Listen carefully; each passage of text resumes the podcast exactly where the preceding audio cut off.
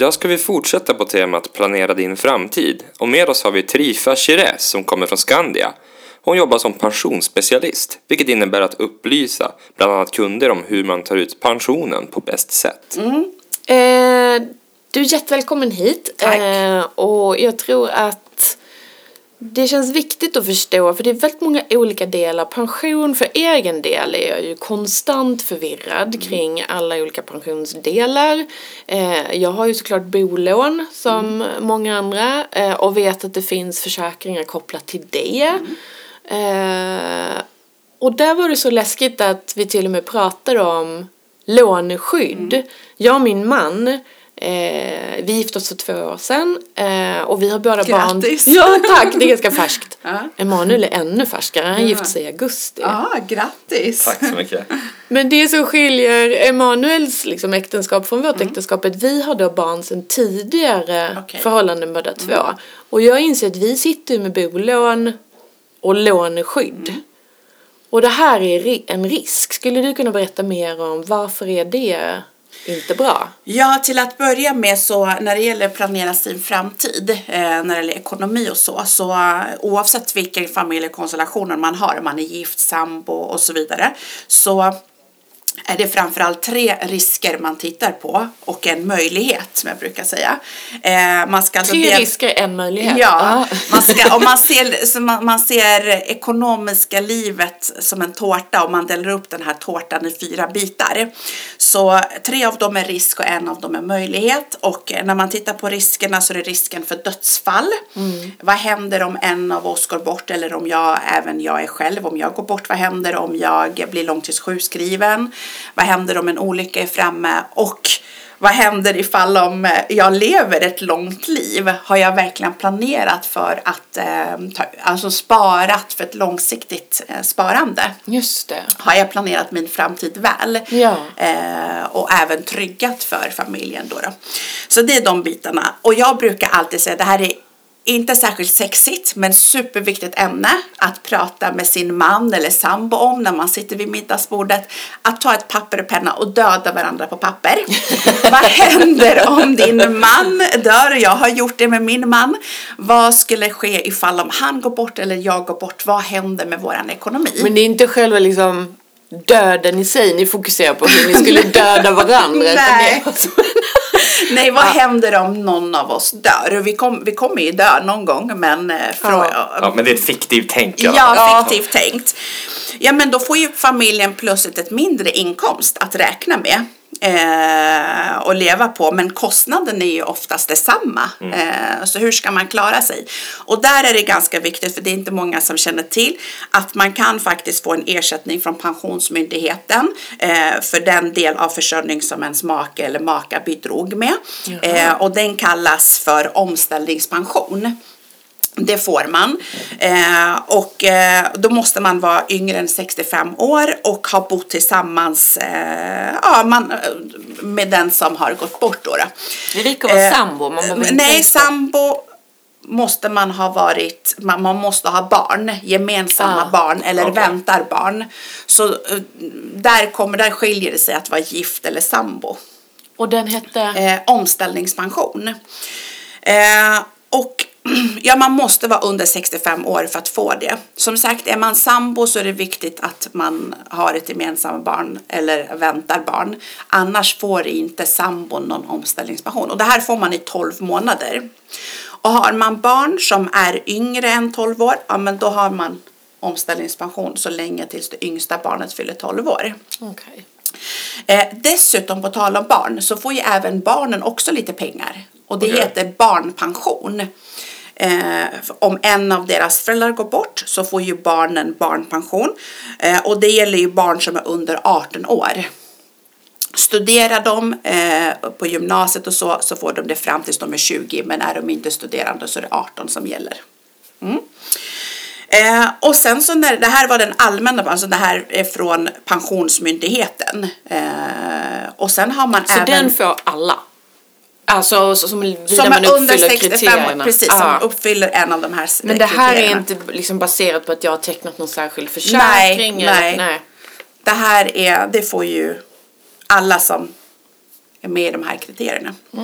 Sen så när det gäller tjänstepension, många tror att tjänstepension är bara en påse pengar man får från arbetsgivare, men där har man också otroligt mycket skydd som man inte tänker på. Eh, många tjänstepensionsavtal ger skydd till ens anhöriga om man avlider, det är ganska viktigt. Och dessutom så är det superviktigt att man går in själv och aktiv till de olika valcentral som finns, kollektum, fora och så vidare. Så går man in och aktivt väljer efterlevande skydd. För de pengarna man har tjänat in, det här påsepengarna man har tjänat in till sin tjänstepension. Man vill ju när man har små barn och så att det ska gå till ens familj. Eh, och då tecknar gör man inte det efterlevande automatiskt skydd. då? Vissa gör inte det. Vissa måste man vara aktiv för Jaha. att eh, gå in. Och sen så, eh, ja man måste vara aktiv själv och gå in och titta. Har din tjänstepension en efterlevande skydd eller inte? Det är en ganska viktig aspekt. Eh, Det var ju jätteviktigt. Att man Ja. måste vara aktiv själv. De har ju bara förutsatt att någon snäll människa betalar ut liksom. Ja, på vissa tjänstepensionsavtal så betalas det Ja. ut. Men vissa gör inte det. Eh, men det är alltid bra att titta, vad har jag för något? Gå in på det valcentral som gäller och gå in och se om man har efterlevande skydd och i så fall till vem betalas det ut till? Oftast är det make, maka, sambo, eh, registrerad partner eller barn. Jag känner att jag vill gå in och kolla direkt. Ja, men ja, men jag, ja. jag ska hålla mig till sen. ja. Eh, så om man har tecknat det här eh, återbetalningsskyddet då, det betalas nämligen det här befintliga tjänstepensionskapitalet som man har sparat ihop, det betalas till ens anhöriga. Men känner man då att eh, de här pengarna räcker oftast inte, omställningspension och barnpension och eh, efterlevandeskyddet, att man kanske inte har hunnit jobba så länge i arbetslivet, den här tjänstepensionspåsen har kanske inte vuxit så mycket. Man vill ge ytterligare skydd, så finns det skydd att teckna eh, via tjänstepensionen, en extra skydd. Det kostar i form av att de tar lite pengar från din tjänstepensionspåse, så det är inte någon räkning som kommer hem till en eller så. Okej. Eh, och eh, de kallas oftast för förstärkt familjeskydd. Förstärkt familjeskydd. Ja, det är en extra skydd som man kan teckna. Och vad tecknar man det på samma ställe där man aktiverar? Ja, valcentral. Eh, det är valcentral som gäller för de olika kollektiva avtalen. Eh, som sagt, det kan vara kollektum, det kan vara valcentralen, det kan vara fora beroende på vilket avtal man har. Eh, om man är ITP-are då är det kollektum som gäller. Okej. Mm. Alltså det är en djungel. Ja, Jag är så glad att du Ja, är här verkligen. Tifa. Det här är Tack. jättelärorikt. Ja. ja, det är väldigt mycket. Men man ska veta att man har lite skydd i alla fall. Ja. Eh, via både allmänna pensionen och tjänstepensionen om man nu har en tjänstepension via arbetsgivaren. Eh, och sen så är det en fråga som man ofta får när man har småbarnsfamilj eller och så vidare så har man ganska, i alla fall Stockholmssyndromet, man har väldigt mycket bolån. Ja. Eh, och, vad, och en fråga som jag får ofta, ska man teckna låneskydd som bankerna erbjuder eller ska man teckna en, ex, alltså en livförsäkring som det heter vid sidan om? Och jag brukar säga att eh, livförsäkring är mycket, mycket bättre. Eh, på grund av att låneskyddet eh, funkar som så att eh, ja, men, halva bolånet försvinner. Skulle min man gå bort och vi har bolåneskydd, låt oss säga att vi har tre miljoner i lån och vi har ett bolåneskydd, jag och min man, och han går bort, då halva lånet skrivs ju av. Ja. Och det gör ju att värdet av min, eh, mitt hus eller bostad ökar ju ganska mycket i värde. Och har man då särkullebarn eller är sambo, för sambo ärver inte varandra på så sätt utan det är barnen som ärver varandra, eller hur? Det är ni som är Ja, absolut. jurister. Om man inte har skrivit Om man inte har skrivit Ja. testamente. Så att eh, med låneskydd funkar som så att eh, Ja men värdet av det man efterlämnar den går upp väldigt mycket och eh, då kommer särkullebarnen in och vill ha sin del. Då tvingas man ut ur huset helt enkelt och måste sälja för att ha råd att betala Ja, för då ökar, då blir den summan som jag, i mitt fall då så skulle min mans barn, Mm. två stycken, då skulle de eh, ha sin laglott, Mm. minst i alla fall.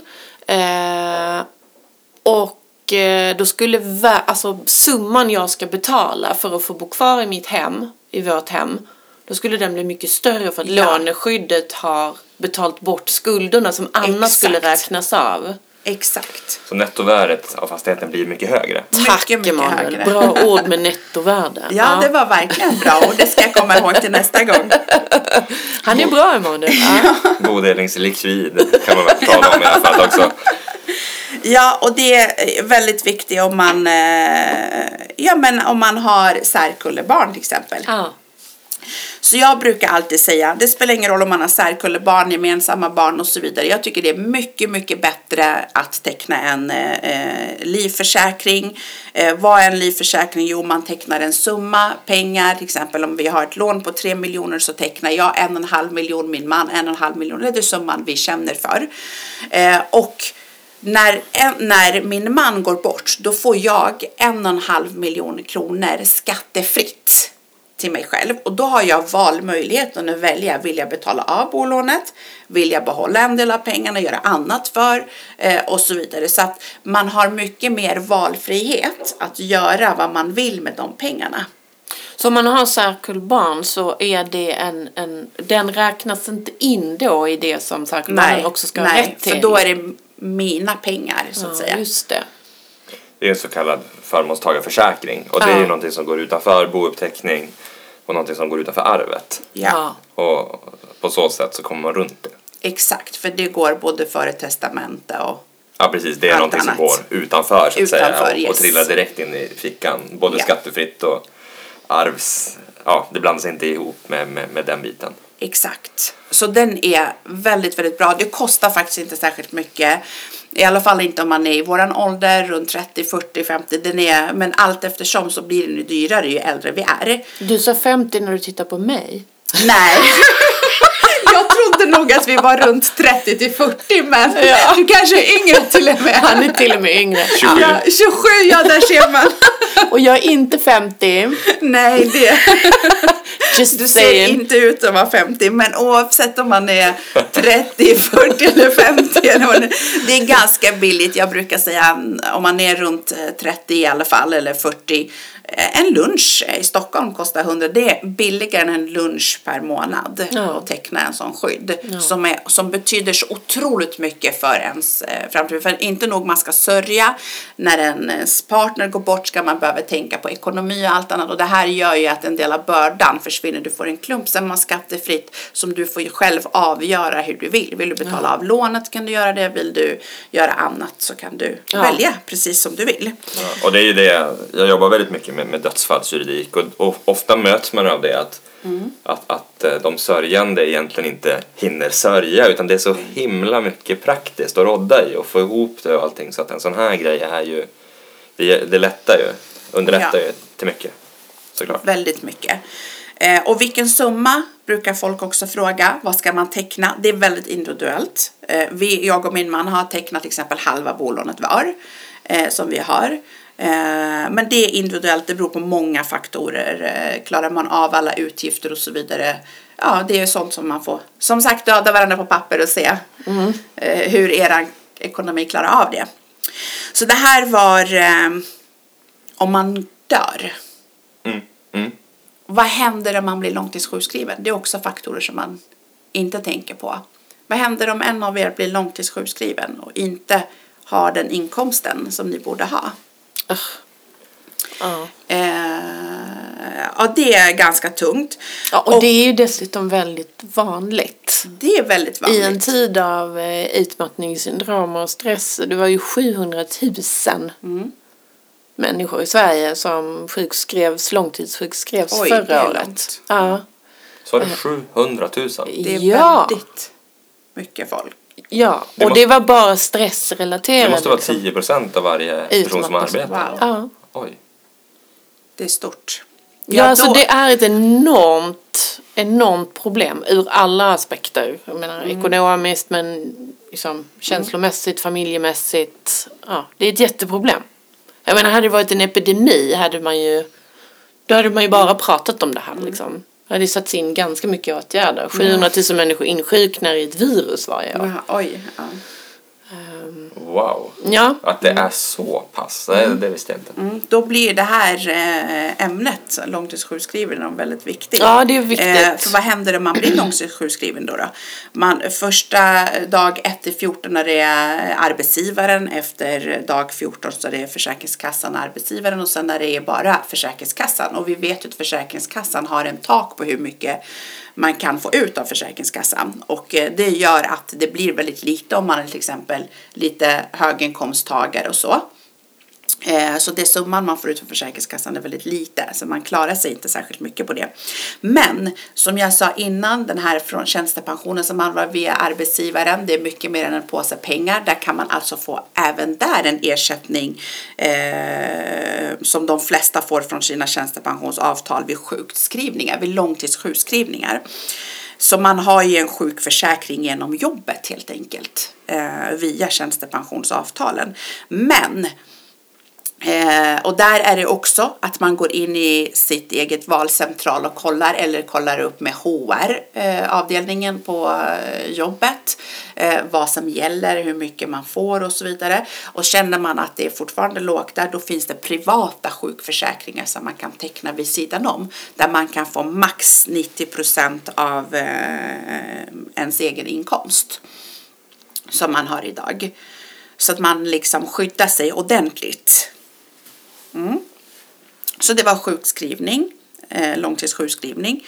Det Eh, var det andra riskbiten. Så att Ja, säga, andra riskbiten. Ja. Mm.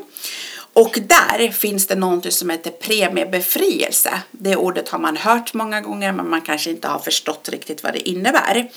Eh, på ens egen tjänstepensions, eh, eh, de här med tjänstepensionsavtalen så finns det något som heter premiebefrielse och där är det också bra att kolla om ens arbetsgivare har tecknat en sån eller inte. Det innebär då, då blir du långtidssjukskriven så går ju arbetsgivaren in och betalar in premien för din tjänstepension.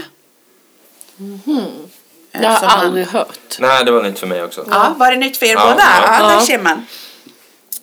Eh, så den är, den är väldigt viktig aspekt att titta på även när man pra, p, eh, sparar privat eh, i privata försäkringslösningar så är det bra att ha det i eh, beaktande. Vill man ha en premiebefrielse eller inte? För blir man långtidssjukskriven så går ju det här försäkringsbolaget in och betalar sparpremien istället för att man själv, för man har inte råd när man är långtidssjukskriven betala in de här månadssparandet som man skulle själv spara till sin framtid.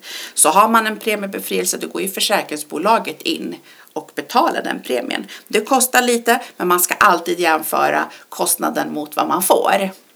Det skulle gärna få gälla för CSN-lån och sånt där också. Så. Ja, det finns inte Nej, tyvärr inte. Ja, och sen så är det, det var andra risken. Nu är det tredje risken vi är inne på, risken för olycksfall. Vad händer om en stor olycka är framme och någonting drabbar och man kan inte arbeta längre? De flesta av oss har en olycksfallsförsäkring via arbetsgivaren eller facket men den är sällan tillräcklig. Eh, för oftast gäller de här olycksfallsförsäkringarna bara under arbetstid och på väg till och från jobbet, eller hur? Men vad händer om man på, på helgen eller till helgen åker skidor eller eh, ja, men man trillar och eh, bryter nacken till exempel eller, och så vidare. Så att eh, på helg, de här gäller inte eh, på fritiden. Så därför behövs det att teckna även en olycksfallsförsäkring. Och det finns ju väldigt billiga sjukförsäkringar och olycksfallsförsäkringar via gruppförsäkringar via jobbet. Kan man teckna. Gruppförsäkringar. Det där hör man ofta, men Mm. Ja. vad, vad innebär det? Gruppförsäkring? Gruppförsäkring har man då, du, du, det är liksom standardavtal för de flesta.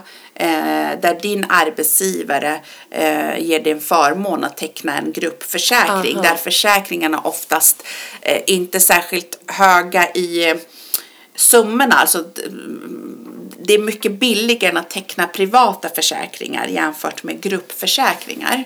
Eh, Men summan som man får om en olycka är framme eller sjukskrivning är framme är inte lika hög som om man tecknade en privat del. Okej. Hängde ni med? Ja, jag hängde med. Lite svårt att förklara. Men eh, så det är väldigt viktigt att komplettera de här skydden eh, via Eh, arbetsgivaren om den möjligheten finns, en gruppförsäkring. Eh, för att det som samhället ger oftast inte tillräckligt. Mm. Så det var tredje risken. Men en sak som jag kom på faktiskt för att jag är inte född i Sverige utan jag är född i Iran och en sak som jag lärde mig när jag kom till Sverige eh, när jag var 12 år, mina föräldrar pratade väldigt ofta om det, det var att eh, i Sverige lärde de sig, ja men det är väldigt viktigt att teckna hemförsäkring, eh, båtförsäkring, ja. ja. men bilförsäkring ja. och så vidare. Men ingen pratade om vikten av att försäkra sig själv. Så det är Sverige, väldigt sant. det är väldigt viktigt att teckna försäkringar på saker som man äger. Ja. Men sig själv, man litar för mycket på att samhället ska omhänderta en och man ska fixa det.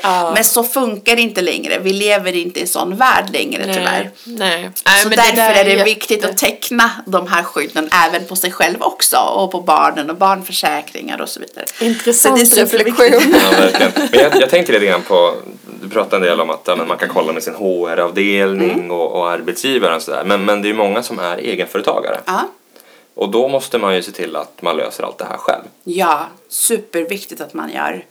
Eh, då måste man teckna de här privata försäkringarna då, själv. Eh, och där är det eftersom när man är anställd så går ju arbetsgivaren och betalar till exempel om man blir sjukskriven en del av summan. Men eh, som eget företagare, det är, man är själv ens egen arbetsgivare och oftast har man inte ens råd att vara sjuk längre för man har inte de här skydden. Nej. Så där är det extra viktigt att ta tag i de här försäkringsskydden för mm. sig själv. Usch, jag känner mig lite mm. skärrad nu. Jag är glad att vi ska liksom avsluta med möjligheten. Ja. ja, möjligheten. Vad händer om vi um, inte hamnar i långtidssjukskrivning, ingen olycka är framme, men allt är jättebra och man uh, får en fantastisk uh, möjlighet att gå i pension och man lever länge och så vidare. Så långsiktigt sparande är en väldigt viktig aspekt att titta på. Och här, mitt råd är för de som inte har riktigt kommit igång i och med förr i tiden så hade man ju av möjligheten till avdragsrätten men den har ju försvunnit eh, för privatpersoner i alla fall. Så den möjligheten är borta och då vet jag att många undrar, ja men vad ska man spara i och, och så vidare. Jag undrar det väldigt mycket. Ja. Jag har liksom inte kommit igång efter att det ja. där upphörde det viktigaste rådet enligt mig är att komma igång med ett långsiktigt sparande. Sen summan initial, initialt är inte viktigt. Du kan börja med 100 kronor. Men vad ska jag sätta det? Jag vill ju inte ha ja. på bankkonto. Jag får ingen ränta. Och då kan du fråga dig själv. Ska jag spara i bruttolön eller nettolön? Det är superviktigt. Eh, för många arbetsgivare idag erbjuder möjligheten till att avsätta en del av bruttolönen till pension. Och det är det som heter löneväxling. Exakt, vad duktig du är. Ja, men jag tänkte att det, det borde kopplas så. nej, nej, nej. Ja, där har man möjlighet till löneväxling. Och det som är så bra med löneväxling, det är så himla enkelt. Du behöver inte tänka på vilken placering, vilket bolag, var och så vidare. Utan du har ju redan en tjänstepension via arbetsgivaren. Så du utökar bara din tjänstepension egentligen. Eh, och sen behöver man inte ha dåliga samvetet att jag sparar inte privat. Utan du har ju redan utökat din tjänstepension. Så där får du ju mer pension i framtiden. Eh, men det är väldigt viktigt att påpeka att man måste ha lön över, eh, för i år är det 42 000 kronor ungefär. Oj, ja. För att kunna ha möjlighet till löneväxling. Vad beror det på då? Ja, men det beror på att eh, det finns ju, för att intjäna till allmänna pensionen och föräldrapenning och sånt här inte ska försämras eh, så har man satt ett tak för den här. För att har du lön under 42 000 och du löneväxlar så sänker man ju, för det är bruttolönen som sänks. Eh, och då ja. sänker man ju sin föräldraersättning, sjukersättning och den allmänna pensionen Just också. Det. Så att inte för att inte försämra det, då har man satt ett tak eh, för det. Så att eh, har man inte lön över 42 000 kronor ja, men jag brukar säga att det är väldigt viktigt att ta försäkringslösningar, spara i lösningar som inte är låsta, som går att ändra på, för livet kan ändras allt eftersom. Mm. Eh, jag menar, du, man kan inte planera för allting. Eh, det händer kanske att du vill ta ut pengarna vid 60 istället för 65. Du kanske vill eh, ta ut dem på 10 år istället för 5 år. Du kanske vill ha ut allting som en klumpsumma. Eh, och skattefritt. Du kanske inte ens vill ta ut pengarna och betala skatt för det. Så att, att välja försäkringslösningar som inte är låsta är väldigt viktig. Och där finns en jättebra alternativ som heter traditionell förvaltad kapitalförsäkring.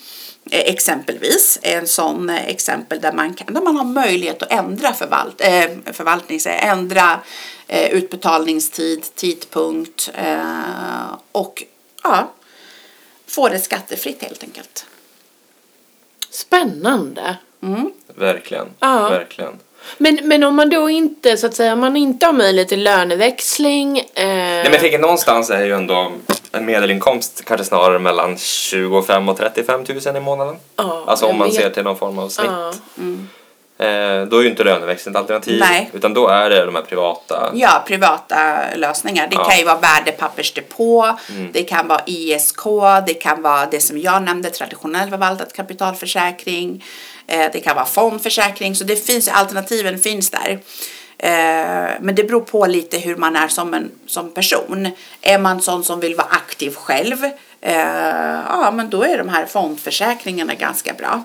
Eh, Är man sån som inte vill vara aktiv, som vill sova gott om nätterna, inte oroa sig för hur börsen går, då är den som jag nämnde, traditionell förvaltade kapitalförsäkringen ganska bra lösningar faktiskt. Ja. Otroligt eh, viktiga saker. Jag känner mig lite omtumlad. Att Oj. man inte, nej, men att man inte vet. Och det är ju precis som du säger, det är ju, det är ju familjen, det är ju en själv. Det är ju verkligen ett jätteviktigt skydd. Ja. Men nå- någonting jag tänker på det är att jag tycker många ändå säger att ah, men jag har så himla många försäkringar och det känns så himla spritt. Ehm, hur ska man tänka där för att få det lite mer enhetligt? Menar du tjänstepensionslösningar Nej, eller nej, eller- försäkringar, nej, ja, eller- sparande försäkringar? Ja men egentligen allting. Man har en hemförsäkring, man har bilförsäkring, man har olycksfallsförsäkring och så pensionsförsäkringar. Hur ska man få en överblick? Man har ju försäkringar kopplat till sitt betalkort också många gånger. Ja. Genom Visa Ja. eller med reseförsäkringar. Och, När det gäller pensionen så finns det en jättebra sida att få se överblick över allting. Då är det minpension.se.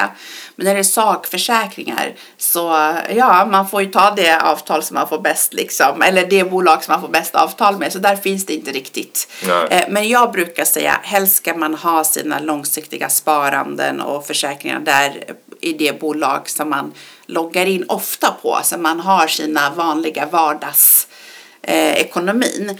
Eh, för då får man, när du går in en gång per månad, då ser du allting eh, som är där. Ja. Eh, så man får bättre överblick Ja. eh, över saker. Så går Vissa försäkringar ska man absolut inte flytta för de ger ju bäst avtal. Sparförsäkringar pratar om, tjänstepensionsförsäkringar.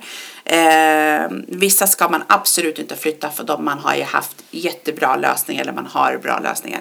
Men eh, det får man prata med en rådgivare om. Eh, boka upp en rådgivare som hjälper dig att ta tag i hela de här bitarna. kan vem som helst göra det? Ja. När som helst? Ja, på Skandia kan man det. Eh, Du kan gå in på vår hemsida så eh, trycker man på att jag vill bli kontaktad av en rådgivare så skriver man sitt namn och telefonnummer så blir man kontaktad och där kan man välja då, om man vill ha en fysisk rådgivning eller telefonrådgivning. Man kanske inte bor i Stockholm, man är på resande fot hela tiden och så vidare. Eh, Man har inte någon möjlighet att komma in på ett kontor. Där kan man ta hjälp av en telefonrådgivare som kan hjälpa en och se över sin ekonomi och få en helhetsperspektiv som du pratar om. Eh, hur gör man? Går det att flytta? Kan man samla det mesta på samma ställe? Men när det gäller pensionen, det viktigaste rådet är att få överblick över vad man har, gå in på minpension.se. Eh, sen ska man gå in på sin egen valcentral eh, och se, har man efterlevande skydd, vad har man för något? Eh, och så vidare. För att få liksom mer kunskap över vad det är man har. Så för att sammanfatta lite så har vi pratat om vad som händer om jag eller min partner dör, vad som händer om man blir långtidssjukskriven eller när en stor olycka är framme och hur man planerar för livet som pensionär. Sen var vi inne lite grann på löneväxling och initialt behöver man inte tänka på placering och bolag. Men som alltid med tjänstepension så behöver man ta för vana att se över framtida tjänstepension en gång per år. Och det gör man då alltså bäst genom att logga in på minpension.se för att få en överblick över hela sin tjänstepension. Och för att göra val så ska man vända sig till sin valcentral Och för de som inte har kollektivavtal så får man vända sig till det specifika bolaget eller arbetsgivare för hjälp. Jättebra. Mycket bra. Jättetack Trifa. Tack så mycket. Tack för Så att jag fick kul att vara ha dig med. här. Ja, Ja, det är vi som ska tacka. Jättekul att ha dig med. Mm, tack så mycket.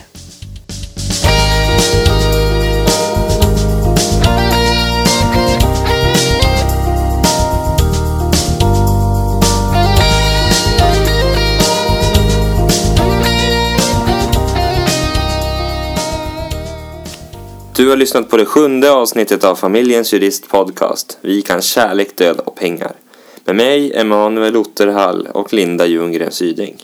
Via familjensjurist.se kan du boka in en gratis livsbesiktning där du tillsammans med en jurist går igenom din familjesituation utifrån ett juridiskt perspektiv. Baserat på analysen går juristen igenom vilka juridiska dokument som behövs för dig och din situation. Vi kan även erbjuda rabatterade priser om 250 kronor rabatt för ett juridiskt dokument upprättat efter ett telefonsamtal med en jurist samt 100 kronor i rabatt för upprättande av handlingar via våra online-tjänster. Uppge koden podden 2018 med stort P och två D för att ta del av rabatterna.